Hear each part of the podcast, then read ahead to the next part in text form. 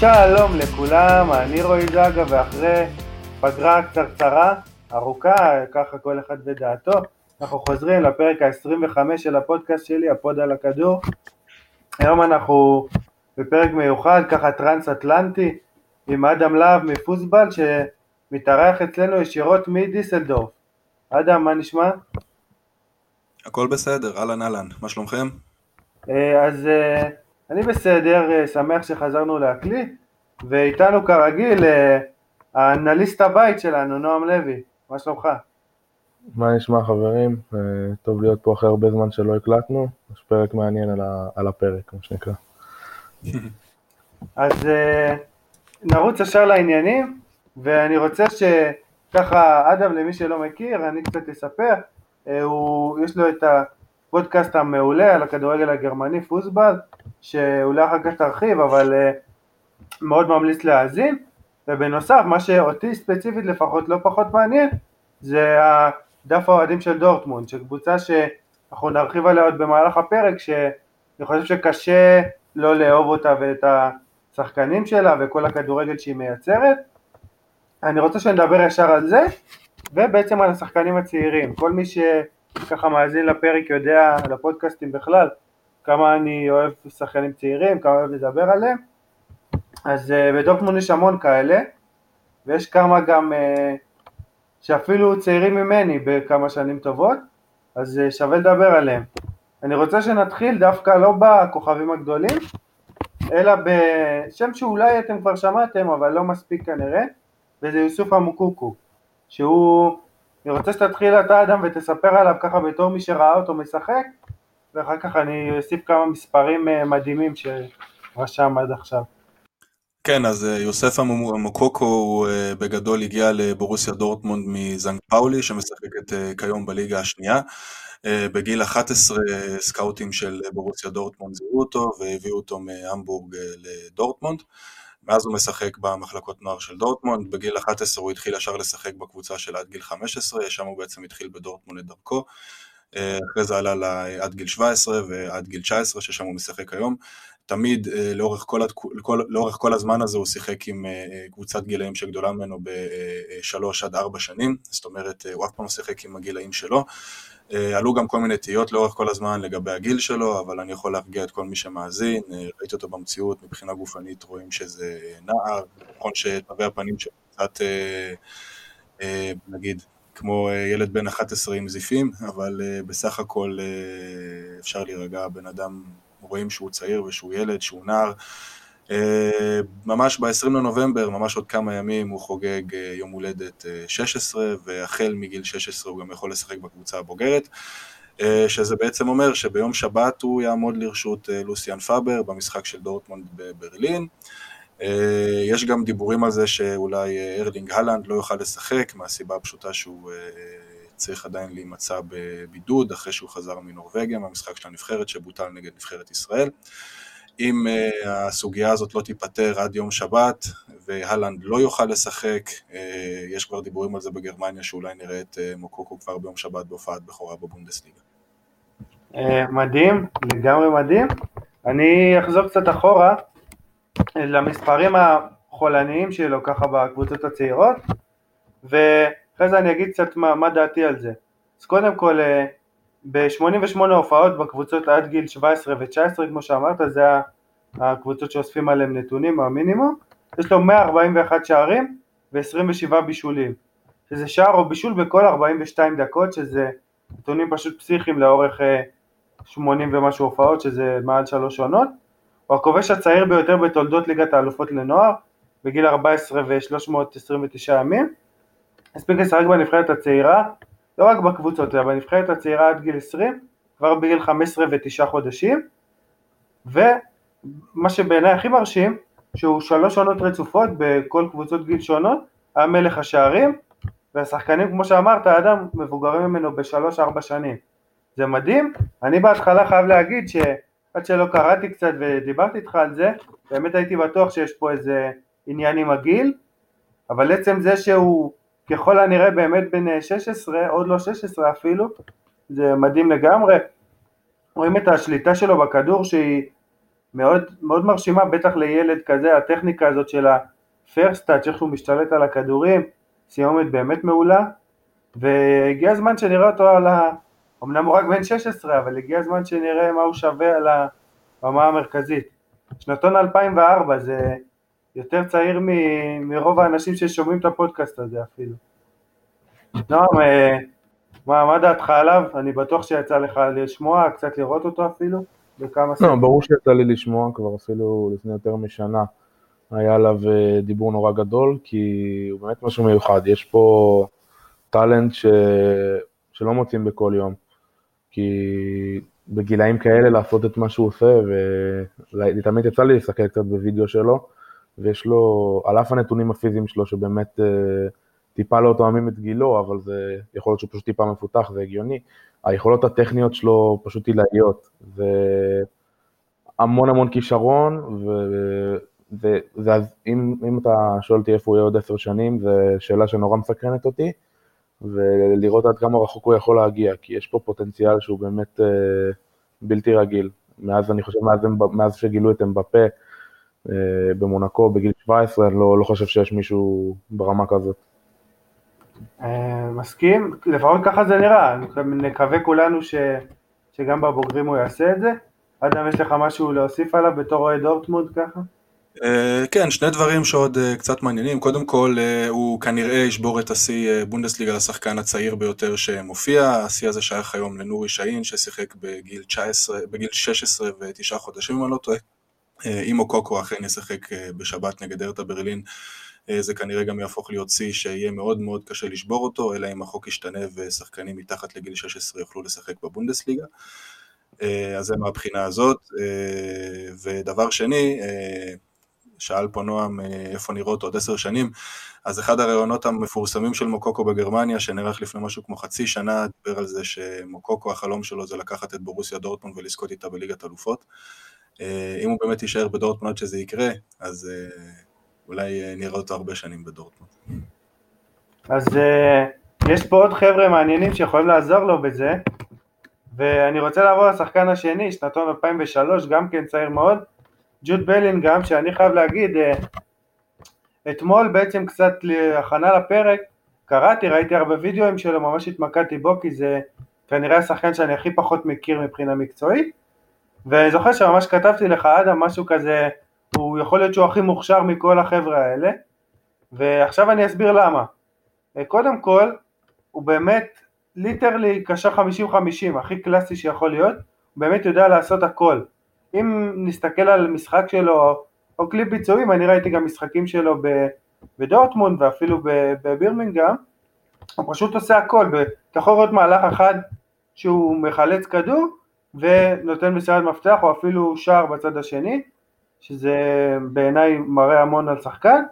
יש את הסיפור הידוע שלו שאני, אדם ככה פרסם בבלוג שלו בפוסבל ואני אספר בעצמי הפעם, שהוא לובש את המספר 22 בטענה ש, שזה בעצם חיבור של 4, 8 ו-10, שזה כל התפקידים המרכזיים על הקישור, התקפי, 50-50 ואחורי, וזה בעצם עוד פעם מספר עליו הכל, הוא יודע לעשות הכל, יש לו את היצירתיות מצד אחד, הקשיחות הזאת שביחד עם זה מאוד חשובה לקבוצה, הוא רץ המון, אפשר לראות גם במפות החום שלו, ב... גם במהלך המשחק כמובן, כמה הוא רץ ולא מפסיק, המון ייצור מצבים, ו... בנוסף לכל הוא גם עושה את ההצטרפות מקו שני שאני קורא לה בא, על חשבון אה, זה יובל אשכנזי ככה תמיד אוהב להשוות אליו עושה את זה מאוד יפה. הספיק לשחק כבר בנבחרת אנגליה הבוגרת גם כן רק בן 17 וקצת. ומה שהכי מדהים אותי זה כמה הוא אינטליגנט. אתה רואה את המשחק שלו ואתה אומר קשה להאמין כמה הוא חכם. בגיל כזה עוד שאנחנו עוד היינו תקועים בבגרויות ועניינים הוא כנראה יותר חכם מכולנו נראה לי כן, אני צריך גם, אה, יש פה עוד כמה פרטים מעניינים על אה, ג'וד. קודם כל הוא עבר גם מסלול די דומה לזה של מוקוקו בקטע הזה, של תמיד לשחק עם גילאים שיותר גדולים ממך. בגיל 13 הוא למשל כבר סיפק את הופעת הבכורה שלו בנבחרת עד גיל 15.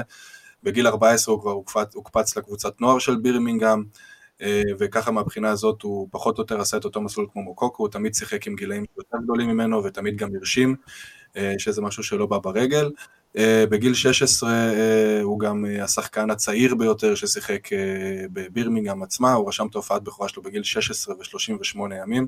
זה פחות או יותר יהיה כמו מוקוקו, שגם משחק פחות או יותר באותו שיא שיהיה מאוד מאוד קשה לשבור. Uh, האמת שלגבי אם הוא השחקן הכי צעיר ששיחק, ששיחק אי פעם בצ'מפיונשיפ, uh, זה משהו ששווה לבדוק, אין לי את הנתון הזה, אבל יכול מאוד להיות שזה גם uh, שמה. Uh, צריך גם להגיד, uh, ג'וד בלינגהם הוא מגיע ממשפחה שלפחות בן לאבא שמאוד מאוד אוהב כדורגל, אבא שלו שיחק כדורגל הרבה מאוד שנים, uh, משהו כמו 20-22 שנה בליגות הלא מקצועיות באנגליה. מרק זהו שמו והוא כבש משהו כמו 700 שערים. בלינגהם גם בתכלס התחיל את הקריירה שלו בתור חלוץ, הוא רצה להיות כמו אבא שלו, אבל בהמשך באמת, כמו שאמרת, אה, המאמנים שאימנו אותו זיהו את העמדה האמיתית והטובה שלו ונתנו לו בעצם את המקום באמצע. אה, יש לו באמת הכל מהכל, אני גם מאוד מאוד מתרשם ממנו, מהמשחקים שראיתי אותו, ממש ממש כיף לראות איך הוא שולט בכדור, את הקור רוח שלו, זה משהו שלא בא ברגל, מאוד מזכיר לי את אקסל ויצל ואת הקור רוח שלו, רק שהוא לא רך אה, אה, כמו אקסל ויצל במשחק שלו, זאת אומרת ג'וד בלינגהם, בגלל שהוא בא גם מאנגליה, מהצ'מפיונשיפ, הוא מאוד פיזי, הוא אה, מראה ליריב שלו, בוא נגיד את זה ככה, מה, מה העניין, כאילו, מה העניינים, ככה ישר אה, בתור התחלה, זה גם משהו שג'וד מדבר עליו ברעיונות שהוא כבר סיפק בגרמניה. אה, זה משהו שאני אישית מאוד מאוד אוהב, גם את המלחמה שלו, הרצון הזה לנצח, זה משהו שחסר במרכז המגרש בדורטמונד, וזה ערך מוסף ענקי שג'וד מביא איתו, ואני בטוח, בטוח, בטוח שג'וד אה, יהיה שם דבר גדול בכדורגל העולמי, בדיוק כמו יוסף אמוקוקו. נועם, יש לך כמה מילים להוסיף עליו, ואולי בכלל לדבר על, בתור אנליסט, ככה כמה אינטליגנציה חשובה בכלל לשחקן צעיר ובכלל. אני, אני רואה בו המון דמיון לג'ושוע קימיץ', את האמת. לגמרי. ששחקן נורא אינטליגנטי, שחקן נורא ורסטילי, שיכול לשחק בכמה עמדות, ומה שמדהים אותי שיש פה, אם יש פה חובבי מנג'ר שמאזינים לנו, שהוא שנתון 2003 והוא תודעה, בתודעה של שחקן בוגרים כבר סביבות השנה וחצי, שזה משהו בלתי נתפס, זה הזוי, כמו שאדם באמת הזכיר שהוא עלה בגיל 16 ו... 38 ימים להופעת בוגרים, זה, זה הזוי, כי אני, אני זוכר שלא מזמן ראיתי כמה הופעות יש לו בבירמינגהם, והילד כולה בן 17 ויש לו סביבות ה-80 הופעות, אם אני לא טועה, בליגה כמו צ'מפיונשיפ, שזה ליגה סופר קשוחה וסופר אינטנסיבית, שזה לא יאמן גם שהוא בנוי ככה בצורה פיזית לכל כך הרבה משחקים, וגם באמת הרמה שלו. אה, אז אני רק אסכם ככה את השיחה לבלינגהם. וזה שבאמת עד כמה חושבים שהוא מדהים בבירמינגהם עצמה, שהפרישו את המספר שלו, ה-22 הזה, כבר הפרישו, זה בעיניי אה, מטורף לגמרי, ילד בן 17 שבתכלס לא, לא עשה משהו מטורף עם הקבוצה, זה מראה הרבה על כמה מחזיקים ממנו שם. אה, יש משהו להוסיף או שנתקדם לשחקן הבא? אדם, כן? הוא, הוא היה גם uh, בבירמינגהם uh, מאוד אהוב בקהל, שזה משהו שגם uh, מאוד מאוד חשוב. הבן אדם הזה, השחקן הזה, הוא בעצם, יש לו גם את, ה, את הסימפתיה הזאת, שלא יודע, אולי נקרא לזה שארם, קסם מסוים, שכובש את הלב של הקהל, בוא נגיד את זה ככה. גם בדורטמונד זה כבר קרה, למרות שהוא נמצא ממש מעט זמן, uh, הוא גם כבר מאוד מאוד אהוב בקהל. בבירמינגהם קרה אותו דבר, הייתם צריכים לראות את החשבונות ה... את החשבונות שלו ברשתות החברתיות, לראות כמה אהבה הוא רפאה עליו מאוהדים של בירמינגהם, אף אחד לא, אה, אתה יודע, שמר לו טינה על זה שהוא עכשיו עוזב את בירמינגהם אחרי שנה. אה, להפך, איחלו לו בהצלחה ומאוד מאוד אה, אהבו את השנה שהוא נתן שם, שוב, בגלל המלחמה שהוא נותן על הדשא, כי הוא באמת נלחם הרבה יותר משחקנים אחרים, וזה בעצם מה שגם קונה הרבה מאוד אוהדים בקטע הזה, וזה גם אחד הדברים שלדעתי כל כך מיוחדים בבלינגהם, כי הוא מביא את האינטליגנציה של המשחק, את הקור רוח, ובנוסף לזה, הוא גם לא מתפשר, זאת אומרת הוא נלחם, הוא יודע מה יש לו ברגליים אבל הוא עדיין עובד קשה וזה משהו שחסר היום להרבה מאוד צעירים לדעתי. אה, עיין ערך ג'יידון סנצ'ו שנח הרבה פעמים על הדשא, או אוסמן דמבלה שהוא גם אותו דבר. אם השחקנים האלה היו עובדים קשה כמו ג'וד בלינגהם לצורך העניין, יכול להיות שהם היו מגיעים הרבה יותר רחוק מלאן שהם הגיעו עד היום. שוב, לא שהם הגיעו, לא שהם לא הגיעו רחוק עד עכשיו, אבל הם היו מגיעים עוד יותר רחוק. אתה צודק, אני לא חושב שיש פה ספק שבעיניי גם לא רק לצעירים, אבל זה, ככה זה מתחיל כמובן, עבודה קשה חשובה מאוד בכדורגל, בטח של ימינו. אני רוצה לעבור לשחקן, גם כן שנתון 2000, אני הולך ככה גם לפי הגילאים, שבעיניי הוא מאוד מעניין, אולי הכי מעניין מהחבר'ה האלה, כי לי קשה להגיד כמה הפוטנציאל שלו גבוה, או מצד שני, בעיניי הוא יכול גם אה, לא להצליח ברמות הכי גבוהות, וזה ג'ובאני ריינה. הוא התחיל בשנה שעברה, אני זוכר אותו לפחות פעם ראשונה מהמשחק הזה מול פריז, שבישל אה, להלנד את הגול, לדעתי השני אם אני לא טועה, גול יפה של הלנד גם זה היה, ואז דיברו על זה שהאבות שלהם שיחקו ביחד וכל הסיפור הזה, אני גם העליתי את הסיפור הזה, ודיברו עליו, בהתחלה היה עליו הד בעולם גם כן ברמה של כל השחקנים שדיברנו עד עכשיו, ואפילו סנצ'ו והולנד ממש דיברו עליו, לפחות באתרים הישראלים ממש בהרחבה, וכמובן העובדה שהוא אמריקאי ומשחק בנבחרת הזאת אה, של ארה"ב גם תורמת לזה, כי הם יודעים לעשות הד על כל אה, שחקן כדורגל שעוד לא קרא זוג נעליים. בעיניי יש לו עוד הרבה מה להוכיח לפני הכל. הוא, הוא כן מוכשר, יש לו הרבה תכונות חיוביות, כמו הדריבל שלו, מהירות, אה, באמת שולט בכדור באמת טוב, אבל דיברת על עבודה קשה, אני אצלו רואה את זה שהוא לא מספיק עובד קשה ביחס לבטח שחקן צריך שצריך להוכיח את עצמו, אה, תיקולים הוא כמעט ולא עושה, גם אם שחקן מנסה לעבור אותו, הרבה פעמים הוא ככה ינסה לחסום אותו, אבל הוא לא ממש יורד לגליצ'ים המסוכנים האלה, שזה משהו שקצת מפריע לי אצלו.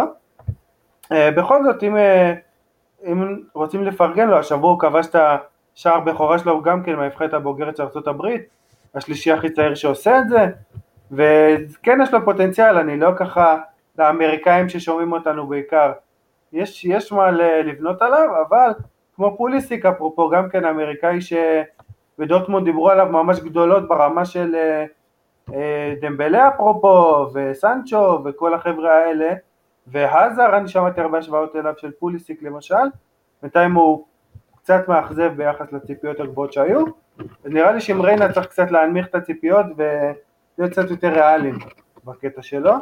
אדם, אה, לפני, אני רוצה גם לשמוע ממך לא רק מה דעתך, אלא מה, מה הדעה בגרמניה בכלל כלפיו, זה מאוד מעניין אותי. כן, אז קודם כל, אה, כמו שאמרת, ריינה מאוד מאוד מאוד מאוד מוכשר, אין פה שאלה בכלל, יש לו ברגליים אה, משהו שאין להרבה מאוד שחקנים אחרים. גם בארצות הברית, דרך אגב, מדברים על זה שהוא כישרון יותר גדול מפוליסיץ'. לצורך העניין שאני גם לא יכול להסכים איתך יותר, לדעתי הוא כרגע בצ'לסי עדיין לא ממצה את הפוטנציאל שלו, אבל מצד שני, גם כשהוא היה בדורטמונד, אה, לא החזקתי ממנו ברמה כזאת כמו שהרבה מאוד אנשים החזיקו אותו, בטח לא אה, החזקתי, החזקתי ממנו בשביל להצדיק את הסכום ששולם עליו על ידי צ'לסי, שזה היה כמעט 70 מיליון יורו, אם אני לא טועה. בכל מקרה, ריינה, כמו שאמרת, וגם פה אני מסכים איתך במאה אחוז, צריך לעבוד הרבה יותר קשה. הוא מאוד מאוד רך, פשרן uh, לצורך העניין, אני גם לא אוהב את זה כל כך שהוא uh, מרבה ליפול uh, בקלות ועושה הרבה מאוד הצגות בתוך הרחבה, זה אמנם עבד לו העונה קצת, אבל זה משהו שאני פחות אוהב. הוא פתח את העונה מאוד מאוד מאוד מאוד טוב עם שלושה בישולים, הוא גם כבש שער אחד.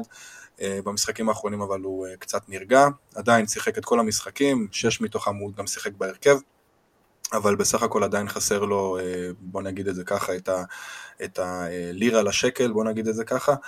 אה, לדעתי אה, הוא יכול להגיע מאוד רחוק. שוב, זה מאוד מאוד תלוי בכמה הוא יעבוד קשה ובכמה הוא ייקח את, ה, את מה שהוא עושה כרגע ברצינות.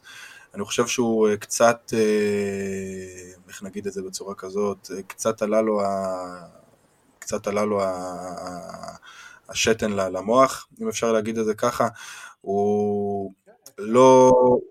הוא צריך להבין, הוא צריך להבין איפה הוא נמצא, בוא נגיד את זה ככה. ברגע שהוא יבין שהוא נמצא כרגע בבורוסיה דורטמונד, שיש לו הזדמנות ענקית להפוך לשם דבר בכדורגל העולמי, ויתחיל לעבוד קשה ולקרוע את התחת, אז הוא גם יגיע רחוק. אני יכול להגיד לך שלמשל יורגן קלופ לא נותן לשחקנים כאלה לשחק, ואם לריינה יהיה אולי מאמן שבאמת יהיה איתו קצת יותר קשוח ויבקש ממנו גם באמת לקרוע את התחת על הדשא, אז אנחנו נראה מריינה הרבה יותר. אני דרך אגב דווקא רוצה אה, לתת reference אחר לריינה, שזה באמת מהלך שמראה כמה יש לו ברגליים, זה אחד המהלכים הראשונים שלו בבוגרים בבורוסיה דורטמונד, במשחק אה, גביע בעונה שעברה בשמינית גמר נגד ורדר ברמן. דורטמונד הפסידו ועפו שם אגב מה, אה, מהמפעל, שלוש שתיים אם אני לא טועה התוצאה נגמרה, וריינה כבש את השני לדורטמונד, זה היה באותו משחק השער שצימק לשלוש שתיים. הוא לקח את הכדור, אה, עשה דריבל מאוד יפה, במרחק של 30 מטר מהשער, עבר שניים או שלושה שחקנים, ובמרחק של 20 מטר נתן כדור מדוד לחיבורים. שער מדהים, באמת, וזה רק מראה באמת מה יש לו ברגליים. אם הוא ייקח את הכישרון שלו ויעשה עם זה משהו, אנחנו נראה שחקן מטורף, שיהיה יהיה גם מאוד וסטרילי, כמו שאמרתם קודם. הוא יוכל להיות ממוקם בהרבה מאוד עמדות, אם זה מאחורי חלוץ, אם זה בצדדים. יש לו הרבה מאוד ברגליים, שוב, זה הכל תלוי בו, ואם הוא יעבוד קשה, הוא יגיע רחוק. נועם, יש לך מה להוסיף או שנתקדם לשני הגדולים? אני אתן רק פרספקטיבה שלי בעניין הזה, במיוחד של צעירים. אני חושב שבאמת אחד ה... במיוחד בדורטמונד יש המון המון כישרון בצעירים, אבל אני חושב שבאמת לוסיאן פאבר קצת מקל ראש איתם, זאת אומרת שאני חושב שבשביל שהם באמת יגיעו למלוא הפוטנציאל שלהם, הם צריכים מאמן ש... שייתן להם בראש מה שנקרא, שבאמת יקדם אותם, כי היום כל ילד בן 17 שנותן גול בבוגרים, אז ישר עולה לו הראש, וכמו שאדם אמר, צריך מישהו שיחזיק אותם קצר, ובאמת ייתן להם פוש נכון לקריירה, כי באמת אם ריינה לא יתחיל לעבוד קשה, אז אני לא, לא רואה אותו מגיע רחוק, במיוחד בכדורגל של היום, וחבל, חבל, כי יש, יש המון כישרון, אבל צריך, צריך להחזיק אותם חזק, במיוחד שחקנים כאלה, בגילאים האלה במיוחד, זה המון המון עניין של מאמן. אני חושב שאי אפשר שלא להסכים. אני רוצה שנעבור באמת שני הגדולים, אני חושב ש... אני גם אדבר על זה אחר כך, מעניין אותי מי מביניכם מוכשר יותר, זו שאלה שאותי מאוד מעניינת. ואני אתחיל לדבר על הולנד, שהיום הוא לפחות בכושר יותר טוב, קשה להגיד שזה, שזה לא נכון. העונה, הוא פתח את העונה עם 11 שערים ושלושה בישולים ו-11 משחקים בכל המסגרות, זה באמת נתונים מדהימים. בעיניי השער שלו שהראה לי כמה, ידעתי כמה הוא מוכשר, אבל הראה לי כמה הוא יותר חלוץ שלם ויותר חלוץ שבאמת יכול להגיע לרמות הכי גבוהות, זה בדרבי מול שלקה, בדרבי שאולי אתה תסביר לנו עד אחר כך כמה זה דרבי באמת יצרי, כי ככה קשה להבין למרות כל התיאורים, אבל זה התחיל מקרן בעצם, שככה חולצה שם לדעתי על ידו אפילו אם אני לא טועה, אבל גם אם לא, הוא, הוא זיהה שם בעצם את המצב ונתן שם ריצה ל-70 מטר לדעתי ב-8-9 שניות וקיבל שם את הכדור מסנצ'ו, סיומת שאנשים הראו רק את הסיומת שהיא הייתה מדהימה, אבל היה שם ריצה שלדעתי, אם אני לא טועה, הוא... אולי מוקוקו יותר מהר ממנו, אני לא בטוח, אבל לא, לא עולה להיות חלוץ מהיר כמוהו, אולי אובמיאן כשהוא לא בדיוק חלוץ. אובמיאן.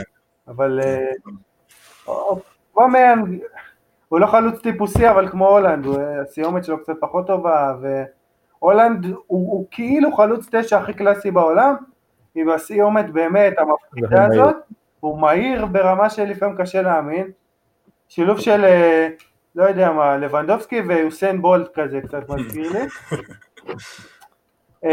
אני אוסיף עליו עוד כמה נתונים שקצת סטטיסטיים ונתקדם קצת אליכם. קודם כל הוא הראשון בבונדסליגה שכובש חמישה שערים בשני משחקיו הראשונים.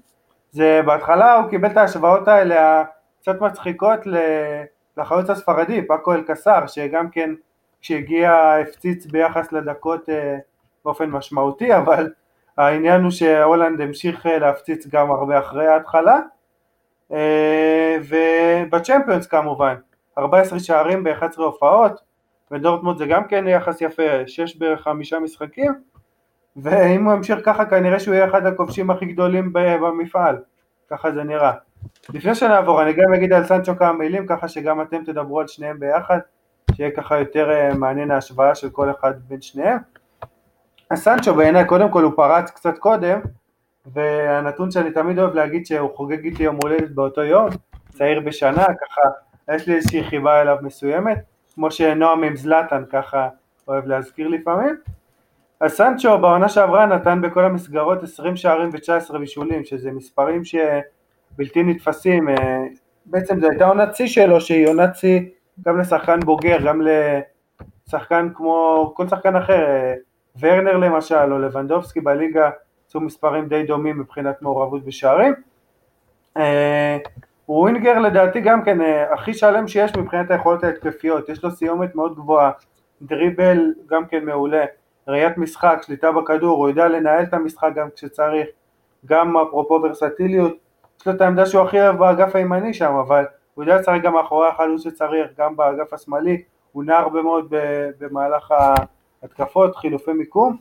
מה שאני כתבתי, וזה בעצם די ברור, אבל כתבתי ככה כדי להדגיש את זה, שכשהוא בכושר באמת והוא תופס יום, אני לא חושב שיש איזשהו שחקן הגנה, בלם או מגן שיכול לעצור אותו, בעיניי הוא, מבחינת פוטנציאל גולמי, לדעתי הוא הצעיר בכלל הכי מוכשר שיש, אני מרשה לעצמי להגיד שאפילו יותר מהם בפה, ככה אני רואה את זה, הוא פשוט יותר, יותר שלם מבחינת סט היכולות שלו, מבפה יותר סקורר למשל, ודיברנו על זה בפרק הצעירים שלנו, אבל uh, אני לא מתבייש להגיד שבעיניי סנצ'ו אם הוא עוד פעם, זה הנקודה שחשוב לי רק להעביר, אם הוא יתפוס את עצמו בידיים וככה באמת ישקיע קצת יותר מאמץ ולאחרונה באמת לי מרגיש שהוא קצת uh, עם כל הסיפורים שהמעבר ליונייטד קצת uh, נתן לעצמו לשחרר מהמקצוענות שהוא הראה עד אז, אם הוא יחזור לזה בעיניי הוא באמת יכול לשחק ברמות הכי גבוהות ברמה של כדורי זהב וכאלה דברים.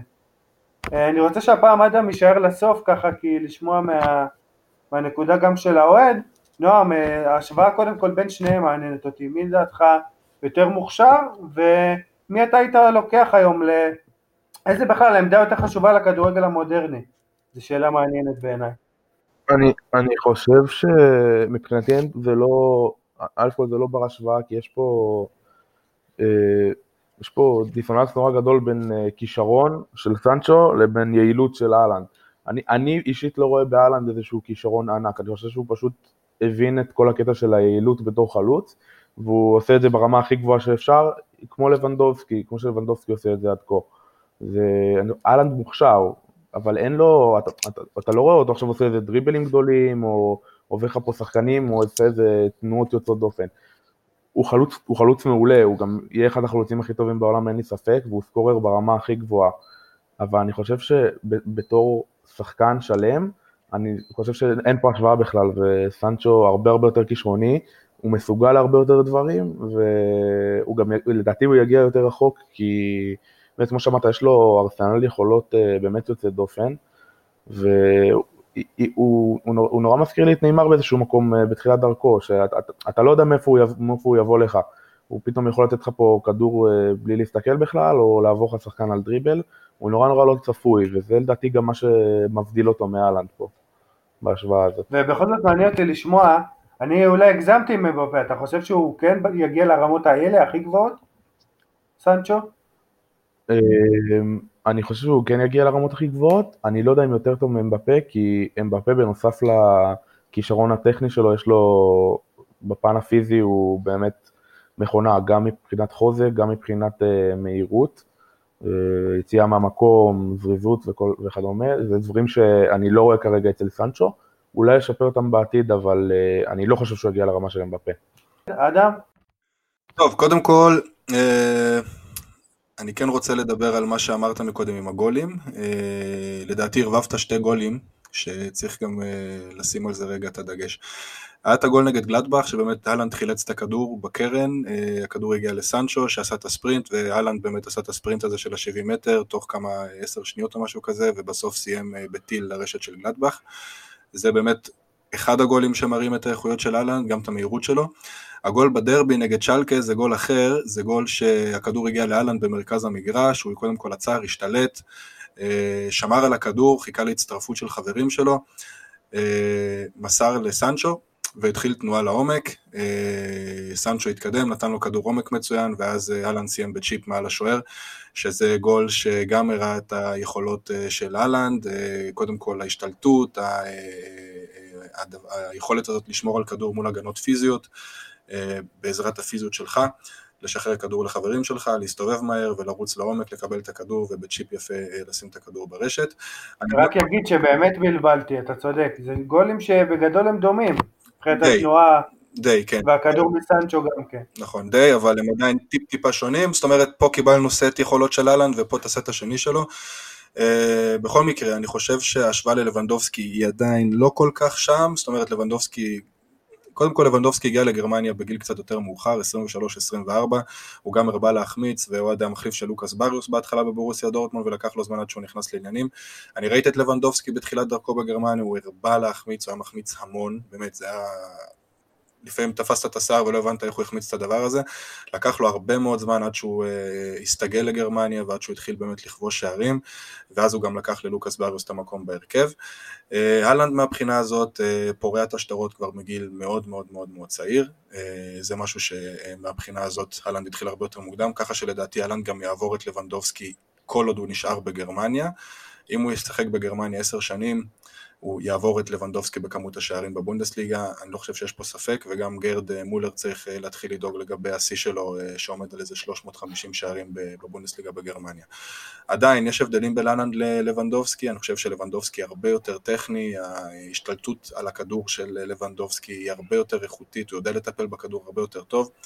אהלנד מהבחינה הזאת טיפ טיפה חסר קורדינציה, אני לא יודע כמה ראיתם את בורוסיה דורטמונד ואת אהלנד העונה, קורה לו הרבה מאוד שהוא מול השער אה, ומתבלבל ככה קצת עם הרגליים, פתאום הוא בועט באוויר, אה, אה, ומפספס את הכדור, או בועט פתאום לדגל של הקרן, זה דברים שקורים גם לאלנד, אתה יודע, הוא עדיין לא שחקן מושלם, הוא עדיין לא שלם. יש לו קור רוח מטורף מול השער, בעיטה חזקה מאוד, ומשהו שלדעתי גם מבדיל אותו מהרבה מאוד חלוצים אחרים, הוא לא מתמהמה. זאת אומרת, הוא מקבל את הכדור, הוא יודע טוב מאוד מה הוא רוצה לעשות איתו, והוא מנסה להוציא את זה לפועל. אה, בזמן שהרבה מאוד שחקנים אחרים מנסים את העוד דריבל, עוד אה, להסתובב, לחפש את האופציה מסירה יותר טובה, וזה משהו שכן אה, מבדיל את האלנד לדעתי, ה killer instinct הזה. דיברת גם מקודם על פאקו אלקאסר, אני חושב שפאקו היה סיפור הצלחה ענקי בדורטמונד. יש שתי סיבות שאלנד לא השתלב כל כך ושהוא לא הצליח. אחת זה שהוא אה, הרבה אה, להיפצע, זאת אומרת אה, הוא אף פעם לא, לא, לא נכנס באמת ל, ל, ל, ל, למצב הזה שהוא בכושר ושהוא משחק עם הקבוצה 90 דקות, הוא תמיד נכנס בתור מחליף והרבה להיפצע ודורטמונד לא יכלה בעצם מהבחינה הזאת לבנות עליו באמת והיה חסר לה חלוץ אמיתי שיעמוד שם למעלה ויכניס את הכדור לרשת מאז שאובמה היה גזב בעצם, הגיעו אמנם הרבה מאוד חלוצים בתור מחליפים אה, אם זה גם אה, מישי אה, בצ'וואי למשל, שהגיע לתקופה ונתן חצי עונה חמודה, אבל בסופו של דבר דורטמונד לא היה לה מחליף לאובמיאנג מרגע שאובמיאנג עזב. וברגע שאלנד הגיע, דורטמונד מצא בעצם את, ה, את, ה, את המכסה לסיר, בוא נגיד את זה ככה, וזה שידוך מושלם, ראו את זה מההתחלה, כמה באמת היה חסר לדורטמונד מספר 9 שפשוט ייקח את הכדור וישים אותו ברשת, אם זה בגלל שהוא יודע איפה לעמוד, אם זה בגלל שהוא יודע איך, איך לירות חזק וכל מיני דברים אה, נוספים שמייחדים את אהלנד. אה, אני גם מסכים מאוד עם נועם, שדיבר מקודם על זה שאין מקום להשוואה בין אה, אהלנד לסנצ'ו. אם אנחנו מתקדמים פה, מתקדמים אה, לסנצ'ו, שני שחקנים שונים לגמרי שמשחקים בעמדות שונות, אז מהבחינה הזאת אה, אה, אני נותן פה לנועם 100%, אני עם נועם ב-100%. סנצ'ו אני חושב שהוא סובל גם כן, מה, אמנם לא כמו אוסמן דמבלה, הוא טיפה יותר מקצועי והוא גם יותר רציני, הוא מעבר לזה גם מאוד לויאלי ויודע, בוא נגיד את זה ככה, יודע יודע להודות על כל הטוב שהגיע אליו, זאת אומרת הוא אה, מוקיר תודה לדורטמונד אה, שבעצם קידמה אותו ככה בקריירה שלו וזאת גם הסיבה לדעתי שהוא לא עשה שביתה ועבר בכל מחיר למנצ'סטר יונייטד בקיץ, זאת אומרת אני לא חושב שסנצ'ו רצה לעזוב בכל מחיר, אם נגיד את זה ככה, אה, וזה גם אחת הסיבות שלדעתי הוא ככה חלש בינתיים, זאת אומרת מצד אחד הוא רצה לעשות אקט ג'נטלמני, ג'נטלמני אה, ולא לעזוב את דורטמונד בקיץ כי זה מה שהוא סיכם עם ההנהלה ורצה אה, לא לשבור את המילה שלו. אבל מצד שני רואים עליו, אה, על התנועות גוף שלו ועל איך שהוא מתנהל בינתיים מתחילת העונה, שהוא לא שלם, שהוא לא שלם להישאר בבורוסיה דורטמונד וזה אני חושב בעיה. אה, מצד שני, לסנצ'ו היה גם פאזות כאלה בעונה שעברה, והאמת שבדיוק באותה תקופה גם כן, נגד אה, ברצלונה הוא שיחק, אה, נגד ברצלונה בחוץ הוא נכנס כמחליף, בגלל שהוא הבריז מישיבה קבוצתית, וגם שם היו לו קצת בעיות משמעת, ובסוף הוא התיישר לקראת פגרת החורף, וראינו אותו פורח בהמשך העונה. אם הוא יעשה את אותו דבר גם העונה, אז הרווחנו מסנצ'ו ואנחנו נראה את אותם מספרים פחות או יותר גם העונה. אה, אם הוא אה, ימשיך אה, להישאר בקונכייה שלו, מה שנקרא, ולהתמרמר על זה שהוא לא עבר למנצ'סטר יונייטד, אז אנחנו כנראה נראה את מה שראינו ממנו מתחילת העונה עד סופה. אני מקווה שזה לא יהיה המצב, ושסנצ'ו יצליח להתעלות על עצמו, כי אם הוא לא יעשה את זה לדעתי, לא רחוק גם שאנחנו נראה אותו גומר כמו אוסמן דמבלה, שלדעתי אגב, דיברתם מקודם על מי מוכשר יותר, אמבפה וכל זה, לדעתי אוסמן דמבלה זה הכישרון הכי גדול שהיה בכדורגל העולמי לפני שלוש שנים, אני ראיתי אותו ב live עונה שלמה, משהו כמו 40 משחקים בסך הכל. היכולת שלו לטפל בכדור, התנועה שלו, החדות שלו, הזריזות שלו, אני לא חושב שיש שחקן בכדורגל העולמי שיש לו את סט היכולות הזה שיש לאוסמן דמבלה עד היום. הוא יותר טוב מסנצ'ו. שתי רגליים גם כמובן. אני חושב, כן, אני חושב שמבחינת כישרון הוא יותר מוכשר מסנצ'ו, יותר מוכשר מאמבפה. הבעיה של אוסמן דמבלה שהוא מכור לפורטנייט, שהוא לא ישן בלילות, שהוא לא מקצוען, שהוא מאחר לאימונים, אה, היה לו גם בלאגן מאוד מאוד גדול בדורטמונד אגב, אחרי שהוא עזב לברצלונה, הוא השאיר את הדירה שהוא גר בה בדורטמונד אה, במצב קטסטרופלי, היה לו פה תביעות בבית משפט, ובעל הבית תבע אותו על איך שהדירה נשארה, ממש דיר חזירים. אה, ואורך החיים שלך בבית, ואיך שאתה חי, ואיך, אתה יודע, איך הדירה שלך נראית, זה גם משהו שבסופו של דבר מקרין על הדברים האלה, על כמה אתה מקצועי. ודווקא מהבחינה הזאת, לדעתי, אם אוסמן דמבלה היה עובד קשה, כמו, לצורך העניין, בפה, אז היה לנו כישרון שהרבה יותר גדול מאמבפה לדעתי. אה, אני רק אוסיף כמה מילים, קודם כל לגבי דמבלה חשוב להגיד שהוא בכל זאת מאוד פציע, גם הפציעות השפיעו, אני מסכים איתך שזה נובע כנראה מחוסר המקצוענות שלו, אבל זה גם קצת, חוס, זה גם קצת חוסר מזל, אין, יש פה איזשהו אחוז של חוסר מזל שמפריע לזה, אבל uh, אני רוצה להמשיך עם דורטמונד ולא עם זה שעזב, אה, אני רק אוסיף על, אה, על סנצ'ו ואהלן, שזה כנראה יסגור את הכל, שהם באמת, יש להם שיתוף פעולה בשני הגולים שדיברת עליהם ואני ככה ערבבתי, זה סנצ'ו מסר לאהלן בעצם ככה סוג של דאבל פס יפה בין שניהם, אה, או בעצם סנצ'ו קרא את התנועה של אהלנד, או שנגיד הפוך, אהלנד נע אל, אל המסירה של סנצ'ו, יש ביניהם באמת שיתוף פעולה מבחינת, זה נראה כמו חברות גם גדולה, אבל אני לא... אה, אני רק אוסיף עוד שאלה ואז תוסיף עד האמת מה שאתה רוצה להוסיף. אה, לגביהם בכלל, בתור מישהו שרואה באמת יותר דורטמונד ממני, עם כמה שאני משתדל לראות כל שבוע אפילו, לגבי עוד צעירים שיש בקבוצה, אם זה מתאו מורי, פסלק וריניאר אפילו שקיבל כמה דקות, המושל מריאל, עוד כמה מילים שיש לך להוסיף גם עליהם, כי אני לא מספיק ראיתי. קודם כל על סנצ'ו, אה, משהו קטן, משפט קטן, שני השערים היחידים שהוא מעורב בהם העונה בליגה, זה שני השערים האלה שדיברנו עליהם עכשיו, שני הבישולים האלה להולנד, חוץ מזה העונה בינתיים לא משהו, באמת, אני די מאוכזב האמת מאיך שהוא נראה, הוא לא, לא מספיק אה, חד, לא מספיק רוצה, מאבד הרבה מאוד כדורים, נכנס עם הראש בקיר, אני מקווה שהוא ישתנה. אה, לגבי שאר השחקנים, אה, ריינייר, כמו שאמרת, קודם כל אה, חשוב להגיד, הוא הגיע בהשאלה לשנתיים מריאל מדריד, זה לא רכש של דורטמונד, במובן הזה שהוא נשאר בדורטמונד הרבה זמן, ודורטמונד תגזור עליו קופון מתישהו בעתיד.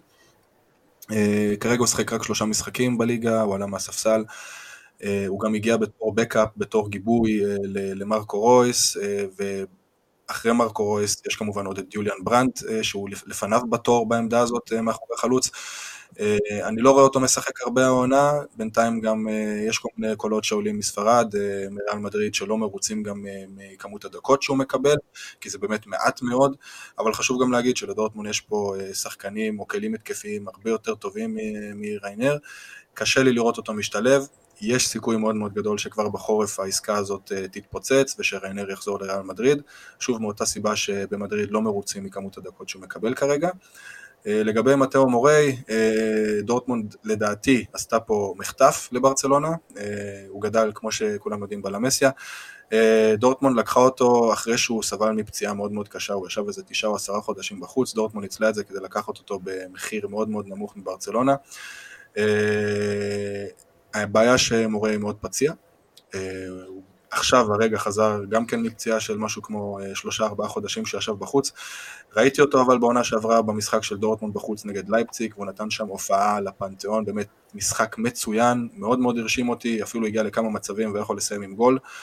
אה, אני מאוד מאוד מאוד אהבתי לראות אותו, גם מבחינה התקפית, אה, שהוא הצטרף הרבה מאוד למשחק התקפה של דורטמונד, גם מבחינה הגנתית, הוא עצר את לייפציק עם התקפה מטורפת בעונה שעברה, עזר להחזיק אותם על אפס שערים, דורטמונד לא ספגה בלייפציק בעונה שעברה.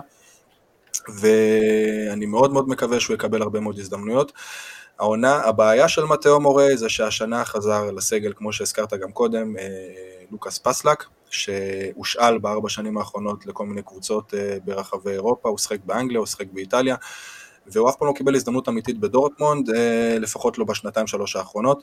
העונה, הוא מוכיח את עצמו, הוא עשה מחנה אימונים בקיץ, מחנה מצוין, הרשים את פאבר, הרשים את הצוות המקצועי, וכתוצאה מכך גם החליטו להשאיר אותו כשחקן סגל העונה, וכרגע הוא מועדף על פני מתאו מורי, שכמו שאמרתי, הרגע חזר מפציעה.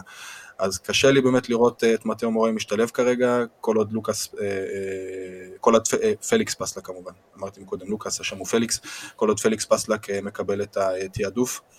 אני מאוד מקווה ששניהם יישארו, אני מאוד אוהב את שני השחקנים האלה, הם איכותיים מאוד, אבל צריך לחיות ולראות איך פאבר ישלב אותם העונה. טוב, דיברנו המון על הצעירים, ככה יותר מחצי פרק, אני רוצה שעכשיו נקדיש עוד כמה דקות לדורטמונד באופן כללי, ואז נעבור ככה במהירות לעוד כמה קבוצות בונדסליגה. קודם כל אני רוצה לדבר קצת על פאברה בכלל, הוא דוגל בדורטמונד בשתי מערכים עיקריים, שזה ה-343, ששם השחקני כנף יותר חופשיים, שזה לרוב יותר טוב לסנצ'ו למשל, ויש לו את ה... לא, לא, לא רק סנצ'ו, אלא אז חכימי שיחק, התכוונתי, וגררו, שחקנים האלה הווינדבקים, ויש לו את ה-4-2-3-1 שהוא משחק העונה, שזה עם קשר התקפי מובהק מאחורי החלוץ, שניים בכנפיים, בעצם מוותר על בלם. בעיניי, בעיניי, מה שאני אוהב אצלו, אצל פאברה, ואנשים לא מספיק מעריכים אותו בעיניי על הדברים האלה, שהוא מאוד דינמי, הוא יודע לשנות תוך כדי משחקים, למשל כשהיה לו את חכימי, הוא יודע שחכימי לנצל אותו זה רק במערך שלושה בלמים, צריך שלושה בלמים, חכימי עזב, לו המון קשרים התקפיים, שחקני התקפה, ישר עבר ל-4-2-3-1 הזה.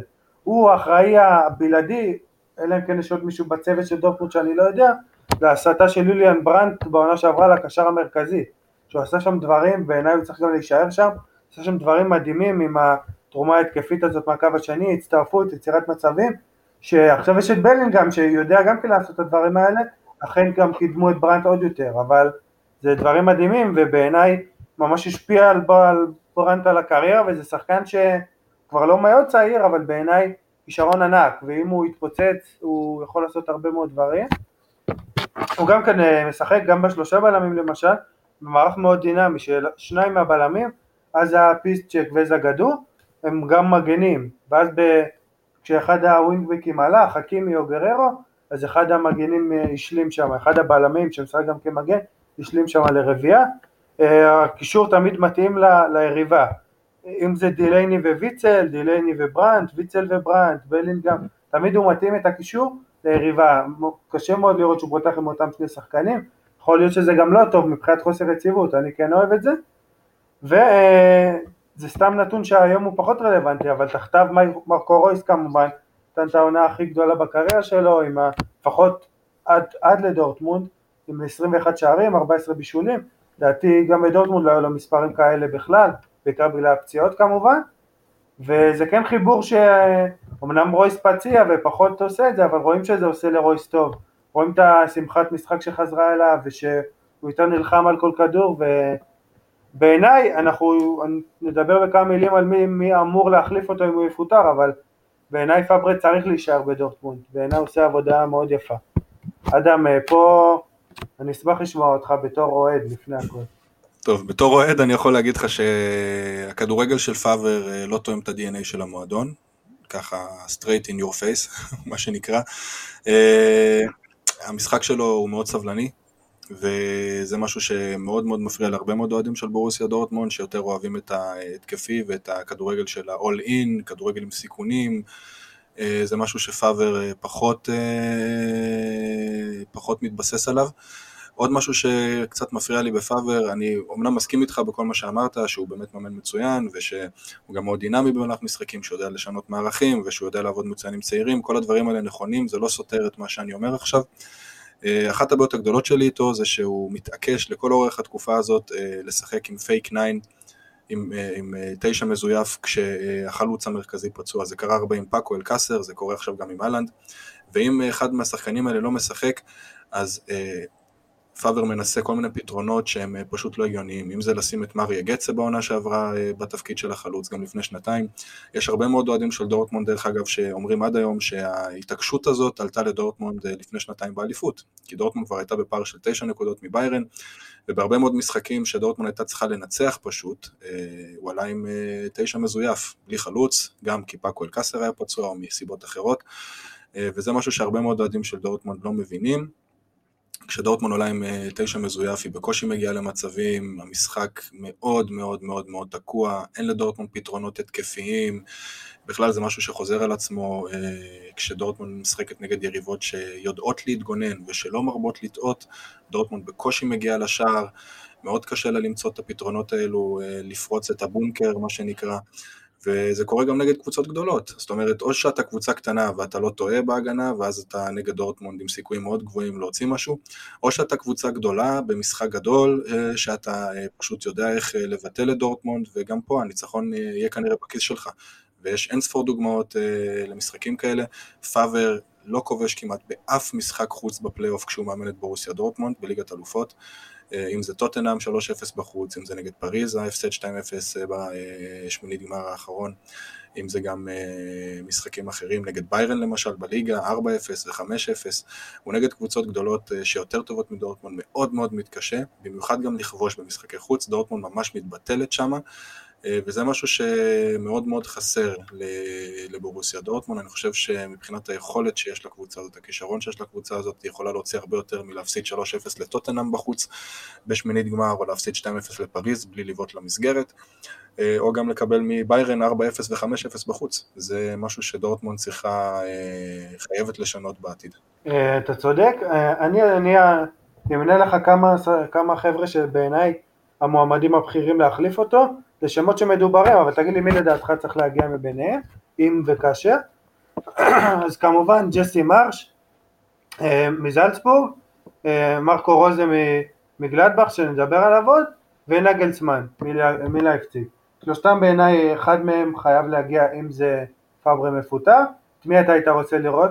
שמע, זה מאוד בעייתי. אה, נגלסמן ורוזה יש להם עוד חוזים, זאת אומרת, אה, המעבר שלהם לבורוסיה דורטמון יצא לפועל רק אם אה, הם יקבלו שחרור מהמועדון שלהם, קרי אם דורטמון ישלמו אה, סעיף שחרור מסוים שהנהלות שלהם כנראה ירצו. נגלסמן בנוסף יש גם בעיות איתו כי הוא אוהב לפלרטט עם ביירן והוא גם די בעד כל הפרויקטים האלה של רדבול, אופנהיים ובעד, בוא נגיד את זה ככה, התמסחרות של הכדורגל, הוא לא רואה בזה בעיה וזה פחות מתאים ל-DNA של בורוסיה דורטמונד. ככה שמבחינת כדורגל, נגלסמן הוא אולי החלק שישלים את הפאזל בצורה הכי טובה, אבל אה, מבחינת אה, מה שמגיע מאחורי הקלעים, אה, יש פה פוטנציאל לטאקלים עם ההנהלה, שזה בעצם גם מה שקרה עם תומאס טוחל, כי תומאס טוחל טוחל מהבחינה הזאת הוא בעצם אותו דבר, כדורגל התקפי שמתבסס על שליטה בכדור, עם Gegenpressing מאוד חזק, עם... אה, אה, פתרונות התקפיים כאלו ואחרים, אה, תחת טוחל דורטמונד שברה את שיא כיבוש השערים שלה לפני שלוש או ארבע שנים, אבל מהצד השני, מה שקשור למאחורי הקלעים, הוא לא הסתדר בכלל עם ההנהלה של דורטמון, וזאת גם הסיבה שהדרכים ביניהם נפרדו. מרקו רוזה לדעתי הוא המועמד האידיאלי לבורוסיה דורטמון בקטע הזה, אבל גם כאן מונשן גלדבך נמצאת בתהליך של בנייה, ואני לא רואה אותם משחררים את, אה, את מרקו רוזה. אה, המנהל המקצועי של גלדבך, מקס אברל, התראיין לא מזמן גם כן בגרמניה ודיבר על זה. קודם כל, הוא דיבר על זה ש, שגלדבך נמצאת בבנייה ביחד עם מרקו רוזה, זאת אומרת זה זה תפקיד, אה, או בוא נגיד משימה שמרקו רוצה לקח על עצמו ביחד של מינשן גלדבך, כשהמטרה היא להגיע למועדון ארבע הגדולות בגרמניה ולהשתתף בליגת אלופות באופן קבוע בכל עונה, אה, ובשביל זה הם הביאו את מרקו רוזה. קשה לי לראות את מרקו רוזה עוצר את הפרויקט שלו אה, בגלדבך כדי להגיע לבורוסיה דורטמונד. ג'סי מאש, מרש מהבחינה הזאת זה אולי האופציה הכי טובה מהשלושה שציינת. אני דווקא חושב שיש שני מאמנים ש... קצת כך, אתה יודע, ככה מחוץ ל, לרדאר שגם אה, מדברים עליהם, שזה אחד פלוריאן קופלד מוורדר ברמן, הוא בן 38, גם מאמן צעיר, ואנריקו מאסן שמאמן את הקבוצה השנייה של בורוסיה דורטמונד. כרגע אנריקו מאסן אה, מחזיק בממוצע אה, הכי טוב מכל המאמנים שדיברנו עליהם, ממוצע של 2.56 נקודות למשחק, הוא רק מנצח, הוא גם הגיע מהליגות הנמוכות בגרמניה, מהליגה הרביעית, שזו ליגה מאוד מאוד מאוד מאוד מאוד קשה, ליגה חצי מקצוענית, זאת אומרת משחקים בקבוצות מקצועניות וקבוצות לא מקצועניות. ולעלות משם ליגה, או להיות, להפוך להיות קבוצת צמרת בליגה הרביעית, זה משהו מאוד מאוד מאוד מאוד קשה. אנריקו מאסן עשה את זה עם כמה קבוצות, עם אה, זנטהאוזן, אה, סליחה, עם אה, רודינגסהאוזן שהוא אימן לפני זה, ועכשיו הוא עושה את זה עם בורוסיה דורטמונד 2, הוא מוביל את הטבלה. למרות שעכשיו לדעתי הוא ירד אפילו למקום שני, אבל יש לו שלושה משחקים חסרים, שאם הוא מנצח אותם הוא יכול לפתוח פער של שש נקודות על המקום השני, וזה משהו שלא בא ברגל. אני חושב שיש סיכוי מאוד גדול שאנריקו מאסן, שהוא אופציה רצינית בהנהלה של בורוסיה דורטמונד, ואם אתה מסתכל גם על ההיסטוריה, רועי, אז רוב המאמנים בדורטמונד שהצליחו וששברו תקרות זכוכית, זה מאמנים שהגיעו לדורטמונד שהם היו עלומי שם. תומאס טוחל הגיע ממיינץ, כן. יורגן קלופ הגיע... גם קלופ כמובן. קלופ, כן. בדיוק, ממיינץ. אני רוצה פשוט שנתקדם, כי יש לנו אדם עוד הרבה מה להספיק. כן. אה, אני רק אגיד במילה אחת שלדעתי ג'סטי מרש הוא זה שדורטמונד צריכה להביא.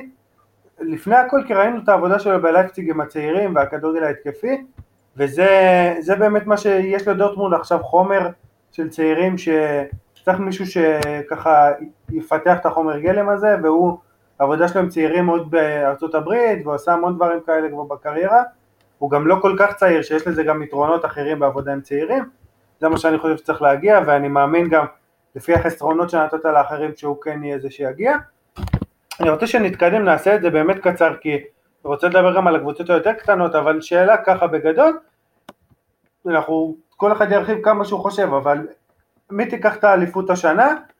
כמובן יכול להיות האופציה גם שזה שוב תהיה ביירן, לדעתי אני אדבר באמת בקצרה כי אני רוצה לדבר על עוד קבוצות, אבל לדעתי דווקא הפייבוריטית שלי היא לייפציג, עם כמה שדיברנו על דורטמונד ועל ביירן, לייפציג, אה, אפרופו נגלסמן, אה, אני לא יודע עוד פעם עד כמה הוא מתאים לדורטמונד בכלל, אבל בלייפציג פשוט נותנים לו יד חופשית לעשות את כל מה שהוא רוצה, הוא עושה שם פשוט מבחינה טקטית המון דברים מדהימים, בין אם זה המעבר בין צמד בלמים לשלישייה, שימוש בהרבה שחקנים כחלוצים שניים, מאחורי חלוץ מאוד פיזי, סורלוט או פולסן, הי-צ'אן הוואנג כשהצטרף בקיץ עוד פעם מזלצבורג, הוסיף המון מהירות, עומק וחדות, יש המון כישרונות כמו לזר סמרטזיץ', טיילר אדמס וג'סטין קלייברד גם שכבר אה, מדברים עליו שנים, לדעתי יתחיל למצות את הפוטנציאל, כמובן אולמו ועוד שמות שאנחנו כבר מכירים. יש שם המון גיוון בקבוצה הזאת, המון ורסטיליות, שחקנים שמשחקים בכל מיני עמדות, סביצר שזז גם כן בכל חוליית ההתקפה, פורסברג, אה, שילוב של ותיקים וצעירים, חילופי מיקום, בעיניי זו הקבוצה הכי, הכי טקטית בבונדסליגה, וביירן אה, אפשר להגיד בשתי מילים שהיא אפילו עוד השתדרגה הביאה הרבה מאוד עומק והכל, אבל לדעתי לייפציג לא פחות חזקה, ואני אוהב את ההימורים האלה שנותנים קצת עניין. נועם, לפני שנעבור לקבוצות שיותר מעניינות אולי מבחינה טקטית, מה, דעתך כאן? מי, מי אתה הולך? נשאר עם ביירן? אה, אני, מה זה לצערי, לצערי אשאר עם ביירן בעניין הזה. אה, אני לא רואה קבוצה שמגיעה לעומק הזה ולרמה הזאת כמו של ביירן. כי יש להם סגל שחקנים נורא עמוק, נורא איכותי, שאתה מעלה מהספסל שחקנים כמו קינסלי קומן ששנה שעברה ניצחו לך את גמר ליגת האלופות, זה פריבילגיה שאי אפשר לא לקחת את האליפות לדעתי. אה, הלוואי ואני טועה, אבל אה, זה מה שאני חושב שיקרה. לפני שנעבור שנייה לאדם, אני רק אגיד מילה אחת שחייבים להגיד על ביירן, או שתי מילים, ליאון גורצקה. השחקן הזה עכשיו בשנה האחרונה שיפור, כתבתי עליו בדף שלי גם ובטוויטר, אחרי המשחק האחרון מול אוקראינה, שאנשים גם כתבו, מה זה אוקראינה, לא נבחרת חזקה, הוא עשה שם דברים, קודם כל שני הבישולים שיש את הסרטונים שהפצתי, אמנם זה אף אחד מהבישולים לא מדהים, אבל העבודה שהוא עושה, השרפת שטחים, החילוצים, ההשתתפות על כדורים, כל הערך המוסף הזה בעיניי הוא, הוא שחקן שבאמת יכול אה, לשנות קבוצה, בטח כש... תיאגו עזב וצריכים את הרוח החדשה הזאת, ואם ביירן כן תיקח את האליפות שוב, זה יהיה הרבה בזכותו בעיניי, בטח אחרי הפציעה של קימיך גם שמבינים עד כמה הוא חשוב. אדם, אה, נראה אותך אופטימי ותאמר על דורטמונד או שאתה לא, לא אופטימי כל כך? לא, לא. ביירן לוקחים את הליגה, אני חושב שהדיבורים על מי תיקח אליפות בגרמניה הם די מיותרים. יש פייבוריטית אחת שהיא ב-99% לוקחת את האליפות, וזאת ביירן, ביירן מינכן. הקבוצה הזאת פשוט כל כך חזקה, והפערים כל כך גדולים, שאין פה, פה בכלל מקום לדיון לדעתי. אני רומנטי קצת, אז אני מרשה לעצמי ככה, כמו שאנחנו עושים גם דיונים על מי תיקח אליפות באיטליה, וזה די מגוחך בינתיים. דווקא באיטליה זה פחות אה, מגוחך מאשר בגרמניה, ואם אתה כבר מדבר על רומנטיות, אז ממש לא לייפציג, אלא, אלא אולי גלדבך או דורטמונד, אבל לא, לא לייפציג, לייפציג זה לא רומנטי. לא, רומנטי זה מאבק האליפות בכל זאת, אבל אה, בעיניי. אבל אתה צודק, אנחנו אולי נרחיב על זה בהמשך אם יהיה זמן, אם לא אז נביא אותך לעוד פרק, כי זה כן נושא מעניין הדעה שלכם על לייפציג. בכל מקרה אני רוצה שנעבור ככה לקבוצות הדרג מתחת, שזה גלדבך, לברקוזן, אופנהיים, ואני רוצה שנועם, אמרת לי שהכנת כמה דברים, אז אה, בוא תתחיל עם גלדבך, שהיא בעיניי הקבוצה הכי מעניינת השנה אולי, הגרמנית. זהו, את האמת שגלדבך, אה, לא יצא לראות המון משחקים שלה, אבל מהמשחקים הבודדים שראיתי, ואחד במיוחד זה הניצחון נגד שכתר, שישבתי מול המסך ואמרתי, מה זה הדבר הזה? זה, הציגו שם, במיוחד הניצחון הזה ספציפית נגד שכתר, אה, בית ספר ללחץ ופיזיות שאני אישית לא ראיתי המון זמן מקבוצת כדורגל, ודווקא כשזה בא מקבוצה שהיא כביכול דרג שני בגרמניה, זה נורא נורא הפתיע אותי.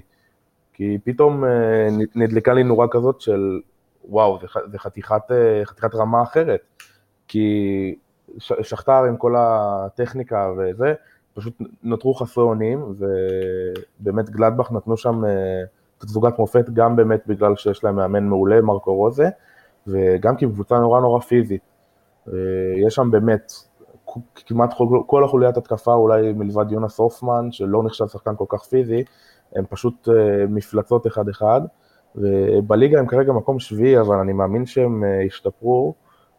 אחת הבעיות העיקריות שלהם, באמת יש להם אה, בעיה של אה, חוסר ווינריות, ווינריות, הם לא יודעים להרוג משחקים. אה, מתחילת שנה הם חטפו ארבע שערי שוויון אחרי דקה שמונים, שתיים באלופות, שתיים בליגה, ולדעתי זה מה שחסר להם בשביל לעשות את הקפיצת מדרגה, באמת להיות שם, לא יודע אם במאבק על האליפות, אבל בטופ 4 לפחות. ויהיה נורא מעניין, כי אני גם באמת נורא אוהב את מרקו רוזה, והוא עושה שם תהליך מדהים, באמת, יש שם קבוצה מפוצצת כישרון, שיש לה יכולות פיזיות באמת אה, עילאיות, לדעתי אחת הקבוצות הכי פיזיות, פיזיות באירופה, ויהיה מעניין לראות איך, אה, איך הם יתקדמו בהמשך העונה. אני מקווה שגם שהם יעברו שלב באולופות, ונראה אותם אה, עוד פעם מול קבוצות כמו ריאל ואינטר. אז אני אגיד את דעתי על גלדבך בשיטה כזאת של ואלה שמות, ככה ההרכב, שהוא באמת רץ בצורה מאוד יציבה, מאוד מאוד יציבה מתחילת העונה, וכמה שנים כבר בעצם, אז אלסן פלאה אה, טורם, סטינדל והופמן ברביעייה הקדמית, קרמר ונויהאוס במרכז השדה, אה, ליינר מגן ימני, גינטר ואלבדי במרכז ההגנה בעצם בלמים, ובנסבאיני אה, בצד שמאל ויאן זומר. זה בעצם הרכב במערך 4-2-3-1 שכמו שנועם הסביר בצורה מאוד מדויקת הוא קודם כל מאוד פיזי, גם השחקני התקפה, סטינדל למשל, זה שחקן שהיה חלוץ, הסיט אותו מאחורי החלוץ והוא עושה המון המון הגנה. גם כן, למרות שהוא כובש גם לא מעט, הוא עושה המון הגנה, המון עבודה במרכז שדה, המפות חום שלו חולניות, הוא כבר עושה את התהליך הזה כבר כמה שנים בגלדבך. אה, באמת, זו קבוצה שבעיניי היציבות שלה זה מילת המפתח, כי השחקנים האלה משתפרים ביחד כקבוצה כבר הרבה זמן, יונה סופמן למשל עושה תהליך יפה, נויהאוס, אה, באמת כל השחקנים שהזכרתי, ואני חושב שהתקרה שלהם זה יכול להיות גם מקום שני אפילו ולעבור שלב בצ'מפיונס. מבחינת היציבות הזאת זה משהו שמאוד חשוב לקבוצה. אדם, אה, מה דעתך? אה, אני חושב שגלטבך, אה, בוא נגיד זה ככה, אני, אני לא חושב שהבעיה שלהם זה יציבות, להפך, אני חושב שהם נמצאים בעקומת למידה שהיא עדיין לא הסתיימה. זאת אומרת, הם לומדים ולומדים ולומדים ומתפתחים וגדלים. אם בעונות הקודמות שלהם בצ'מפיונס הם בקושי כבשו ולא באמת היו יריב לקבוצות ששיחקו איתם בשלב הבתים, השנה זה משהו אחר לגמרי, אף אחד לא העלה על הדעת שהם יוציאו במילאנו תיקו, אף אחד לא העלה על הדעת שהם יוציאו מריאל מדריד נקודות, בטח שאף אחד לא העלה על הדעת שהם ינצחו ככה בדונייץ. אני חושב שהמפתח למה שקורה בגלדבך, ואנחנו רואים את זה גם בקבוצות אחרות בגרמניה, זה המנהל המקצועי. אני מדבר פה כמובן על מקס אברל, שאתם תשמעו עליו עוד, אולי כבר שמעתם עליו. הוא שיחק מ-91 עד 94 בביירן, אחרי זה גם שיחק בבוכום עד 97. ואחרי זה גם עבר בגורוטר פורט, אבל מ-99 הוא בגלדבך. הוא שיחק שם עד 2005, איך שהוא סיים את קריירת המשחק שלו הוא הפך אה, לבעל תפקיד מקצועי במחלקת הנוער, משם הוא התקדם והיום הוא המנהל המקצועי שלהם והוא זה הסיבה המרכזית לזה ש... לסיבה הזאת שגלדבך נמצאת איפה שהיא נמצאת היום. אה, דרך אגב, אותם דברים קרו גם בביירן, אם זה עם אה, אולי הרנס, שעשה בדיוק את אותו מסלול, שחקן, מנהל מקצועי, אה, גם בברוסיה דורטמונד עם מיכאל צורק, שגם היה שחקן וגם הפך למנהל מקצועי, היום הוא גם מנהל מקצועי. ואפילו בלייפציג, שאומנם הם לא קבוצת, קבוצה עם מסורת, אבל גם להם יש מנהל מקצועי, היה מנהל מקצועי מצוין שהביא אותם לאיפה שהם נמצאים היום, כמובן רגניק. אז מהבחינה הזאת אה, שווה לשים על אה, אברל את, ה, את, ה, את האצבע ולהגיד העבודה הזאת היא באמת אה, הפרי שלו. ביירן מינכן גם כבר שמו עליו עין והוא מיועד להגיע לביירן מינכן מתישהו בהמשך הקריירה שלו של מנהל מקצועי והוא הסיבה שגלדבך נמצאת איפה שהיא נמצאת, הוא הסיבה שמרקו רוז הגיע לגלדבך, הוא הסיבה ששחקנים כאלו ואחרים מגיעים לגלדבך, הוא אה, המילה האחרונה בכל מה שקשור למערכת המקצועית שם, הוא זה שמציב את המטרות, את היעדים, ואחת המטרות שלו זה גם לעבור את העונה הזאת משלב הבתים ולעבור אה, לשמינית גמר בליגת אלופות. כרגע זה נראה מאוד טוב, והוא מאוד אמביציוני, מקס אברל, ואני רואה את גלדבך לגמרי נכנסים למועדון הזה של אה, ארבעת הגדולות בגרמניה. אני חושב שזה יקרה העונה או בעונה הבאה, ובעונות הבאות אנחנו נראה את גלדבך באמת משחקת כל עונה בליגת אלופות. הם לגמרי נמצאים שם לדעתי. טוב, מפה אני רוצה לעבור לעוד קבוצה שבעיניי מאוד מעניינת, אני מאוד נהנה גם לצפות בה, שזו לברקוזן. היא בעיניי אבל ההפך מיציבות, היא חוסר יציבות משווע, אמנם מאוד מאוד כיף לצפות בה, במחזור האחרון באמת היא ניצחה את אותה גלדבך 4-3 במשחק באמת אה, מעולה, ממש מענה, צפיתי בכולו האמת. ופטר אה, בוס, כולנו מכירים, כל מי שקצת מכיר כדורגל ישראלי, וגם לא, באייקס, גם בדורטמונד, אה, קצת דברים יפים לפחות בהתחלה, עד שזה הסתיים עם המשחק הזה מול שלקה, שבטח עושה לך סיוטים עד היום אדם, אבל אה, באמת, הוא עושה שם דברים מאוד יפים מבחינה התקפית, יש שם המון צעירים, שזה פאוליניו, פלסיוס, דיאבי, ליאון ביילי, פלוריאן וירץ שגם כן יהיה אחד השמות הגדולים הבאים. וטפסובה הבלם זה קבוצה ששוב מבחינת פוטנציאל עוד פעם אנחנו מדברים הרבה על פוטנציאל כי זה המהות של הליגה הגרמנית. מבחינת פוטנציאל אם כל הצעירים אה, יממשו אותו יכולה גם כן להגיע מאוד מאוד רחוק לברקוזן גם בליגה המקומית גם בליגה האירופית למשל. מול אה, באר שבע ראינו את זה שאומנם אה, ההגנה שלה מאוד פריחה וראינו את זה למרות שהקולציה עשה שם גול אה, ברמה אירופית, כן, אבל בכל זאת באר שבע הגיעו למצבים ביתר קלות, בטח מול קבוצה כזאת, אבל ההתקפה הייתה באמת קשה, בלתי ניתנת לעצירה, ויכל להיגמר גם לדעתי 6-7 גולים, כמו שהיה אפרופו מול ניס, שהיא גם כן קבוצה לא רעה, אברקוזן נתנה שם הרבה שערים מול אותה גלדבך, בשבוע האחרון כמו שאמרתי, לוקאס אלריו נכנס לכושר מדהים, שמונה שערים בשבע המשחקים האחרונים, שלוש צמדים בליגה מול גלדבך, אוקסבורג ופרייבורג, המון אה, צעירים כמו שאמרתי, רוטציה רחבה, שעוד פעם יש לזה גם יתרונות וגם חסרונות, כי רוטציה יש לזה יתרונות, ובעיניי עדיף שקבוצה תהיה יציבה, אני חושב שכולם מסכימים על זה. אה, כמה מילים על אברקוזן או שנמשיך? אפשר רק בקטנה, שהם עושים את התוצאות האלה גם בלי שחקני מפתח שכרגע לא משחקים, אם זה פטריק שיק שגם הגיע, שכרגע עדיין לא הרבה כל כך לשחק, שאמור אה, לתת גם את הטון בהתקפה. נכון שיש להם כרגע את אלריו שעושה עבודה מצוינת במקומו, אבל אה, פטריק שיק הגיע בתכלס לעמדה הזאת. אה, גם אה, פלסיוס שנפצע עכשיו, פאוליניו גם כן פצוע, זה שחקנים שגם כן ייתנו את הטון. לברקוזן מהבחינה הזאת, קשה לי לראות אותם אבל נכנסים למועדון, אה, למועדון ארבעת הגדולות כמו גלטבך למשל. ללברקוזן חסר עוד הרבה דברים, אמנם יש להם גם כן מנכ"ל מאוד אמביציוני שמכוון לשם, אבל אני חושב שכמו שאמרת בעצמך, הם לא מספיק יציבים, בעיקר בחלק ההגנתי, הם מאוד פגיעים שם. ג'ונתן טל למשל, מחזיקים ממנו הרבה מאוד בגרמניה ומצפים ממנו הרבה, אבל לדעתי יש לו הרבה מאוד טעויות, מבחינה מנטלית הוא עדיין לא שם. מבחינה פיזית זה אומנם הר אדם ובלם שאתה בדרך כלל אומר לעצמך, אוקיי, הוא... אפשר לסמוך עליו, אפשר לבנות עליו, אבל מהבחינה הזאת לדעתי הוא די מאכזב. בכלל, מאז שעומר טופרק וג'ונתן טאה שיחקו ביחד במרכז ההגנה בלברקוזן, שזה כבר לפני ארבע או חמש שנים, ההגנה שם לא באמת התייצבה מאז. ואני חושב שזה המפתח, ברגע שהם יצליחו לייצב את ההגנה שלהם, אנחנו נראה מהם אה, יכולת אה, מקצועית יותר טובה וגם תוצאות שבאות לידי ביטוי במקום יותר גבוה בטבלה, עד אז יהיה להם קשה לדעתי. צריכים בעיניי אה, להעיף, או לפחות להעיף מהרכב את הבנדרים, שני האחים שהם אולי מאוד אהובים אני משער, אבל הם כבר לא ברמה בעיניי שניהם, והם מאוד כבדים, איטיים ומזיקים לקבוצה, בעיניי זה נקודת תורפה משמעותית. אני רוצה מכאן שנעבור ככה, נתקדם, אה, אלא אם לנועם יש מה להוסיף, נתקדם לאופנהיים, שהיא קבוצה שיש לנו גם מקום חם אליה בגלל דאבור, וגם אה, עוד פעם, כדורגל מאוד התקפי. נועם, אני אשמח הפעם לשמוע ממך, מה דעתך על הקבוצה הזאת? אה, אני חושב שהדבר הכי טוב שקרה לאופנהיים בשנה האחרונה זה שהם החליפו מאמן. ובאמת, אני לא זוכר את השם של המאמן הקודם, אבל אני זוכר בעיקר את החוסר יציבות ש...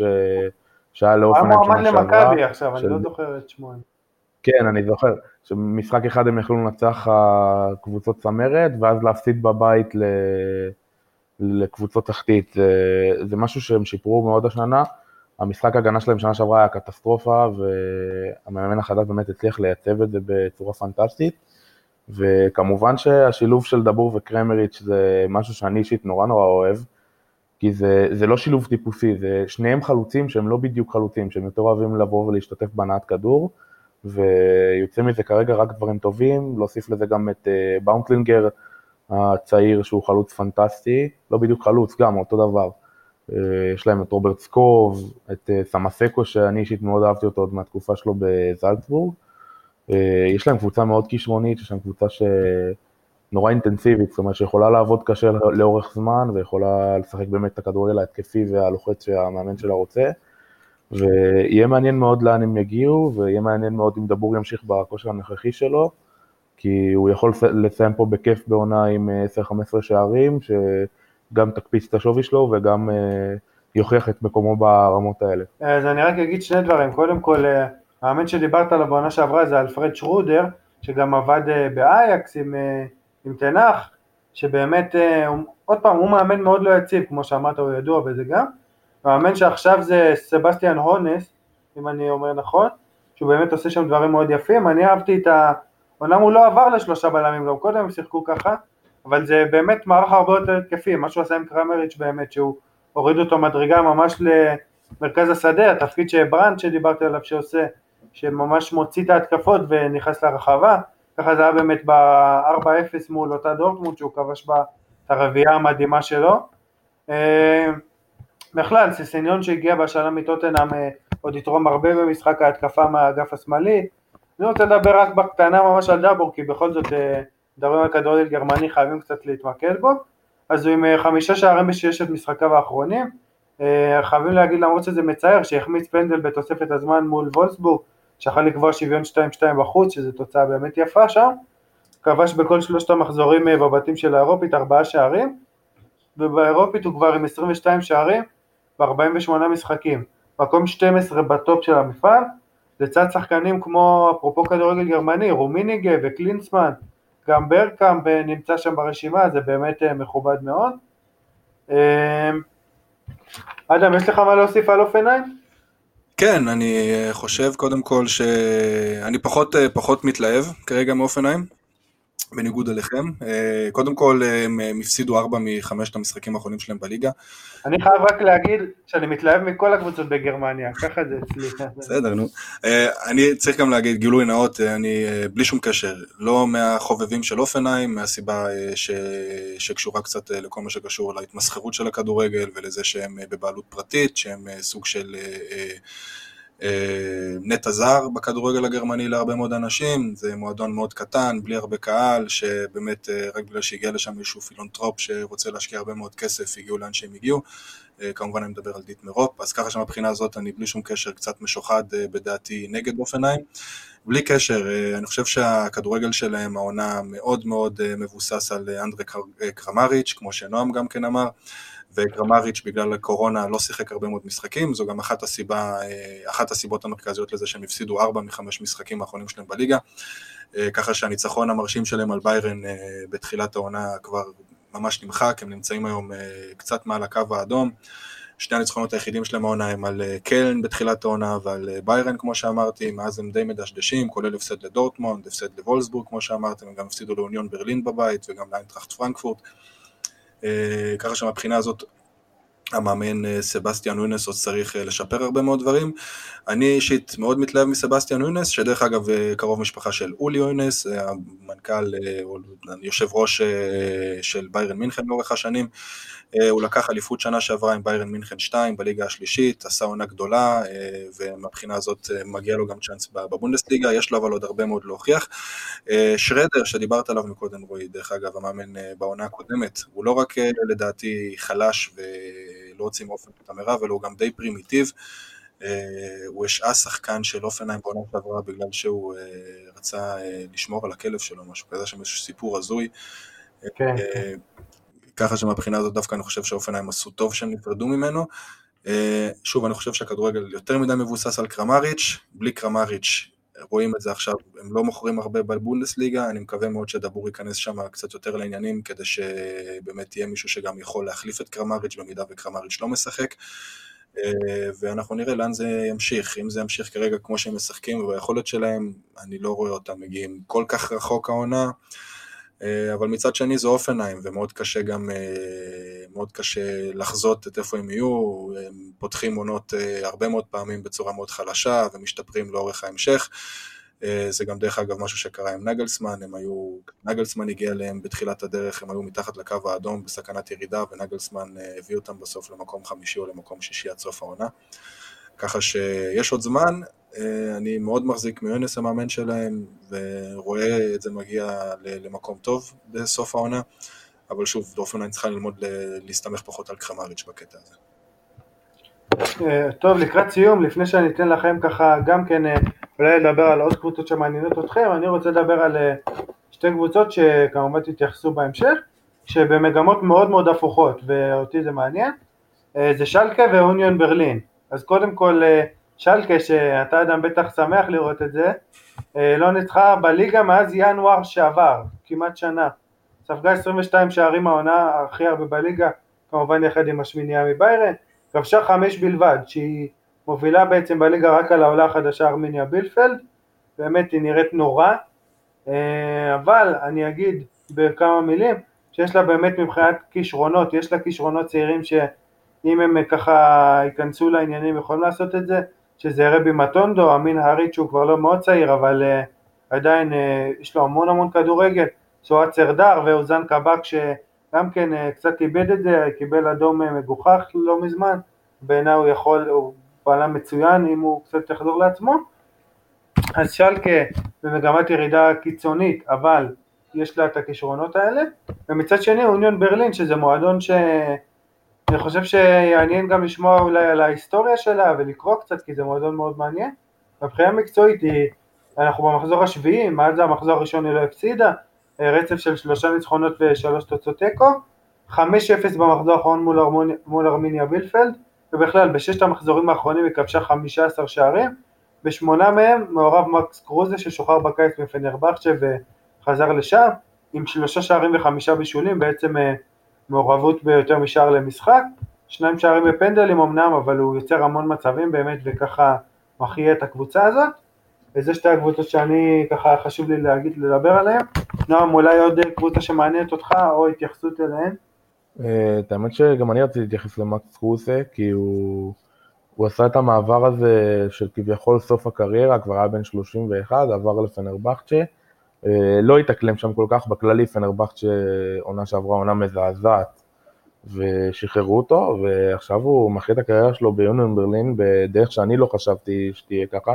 שנה שעברה היה להם, אה, אם אני זוכר טוב, היה להם בעיה נורא קשה בהפקעת שערים, והם תמיד היו מסיימים בסקור יחסית נמוך, והשנה הם מפקיעים בצרורות, וזה המון בזכותו, כי הוא שחקן אה, נורא מנוסה, נורא טוב, במיוחד לליגה, במיוחד לקבוצות כאלה. והוא סוחף אחריו את כל הקבוצה באמת בצורה פנטסטית, והלוואי שרק ימשיכו ככה, זה מועדון שאני אישית מאוד אוהב. אדם, כמה מילים שלך? על איזושהי קבוצה אתה נותן? ניתן קצת על שניהם. קודם כל אוניון באמת אה, קבוצה מאוד מרגשת מהבחינה הזאת, זה המועדון הכי קטן שמשחק היום בבונדסליגה מבחינת מספר חברים, כמו שאתם יודעים בגרמניה כל המועדונים אה, נמצאים בבעלות אוהדים, לפחות רובם, אה, ולאוניון באמת יש הכי מעט חברי מועדון מכל הקבוצות האלו.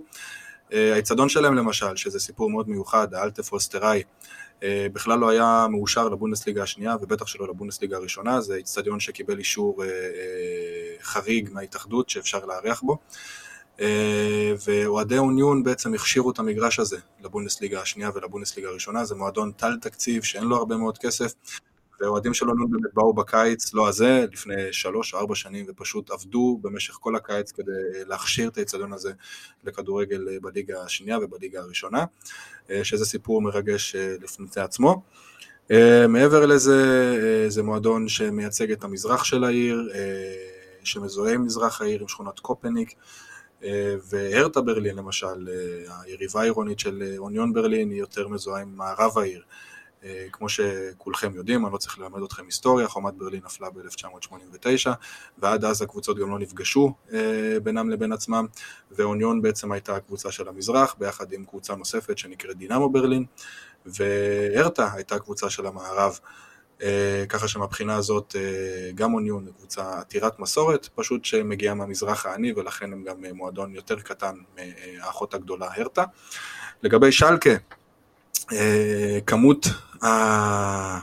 כן, איך נגיד את זה בצורה הכי טובה? אה, ההתנהלות שם היא כל כך ביזיונית, שזה לא מפתיע שהם הגיעו לאן שהם הגיעו, אנחנו צריכים אה, לזכור ולהבין שמדובר בקבוצה שגדלו בה כישרונות על, שיחקו בה גם שחקנים מטורפים, אם זה כאילו, אם זה לירוי סנה הכישרון הענק האחרון שיצא ממנה. אה, מדברים פה על מנואל נויר כמובן, שעזב את שלקה והגיע לביירן, בקיצור, מועדון שהוציא הרבה מאוד uh, כישרונות על ושיחקו בו גם שחקנים מאוד מאוד מוכרים, גם ראול, אונטלר, מועדון ששיחק באופן קבוע בליגת אלופות, שהגיע גם מאוד מאוד רחוק בשלבים האלו. רק לפני שנתיים או שלוש הוא עוד שיחק נגד מנצ'סטר סיטי, אם אני לא טועה, בשמינית גמר. Uh, באמת, מועדון מפואר מאוד, מספר שני בגודל שלו בגרמניה מבחינת מספרי חברים, אנחנו מדברים על יותר מ-180 אלף חברי מועדון.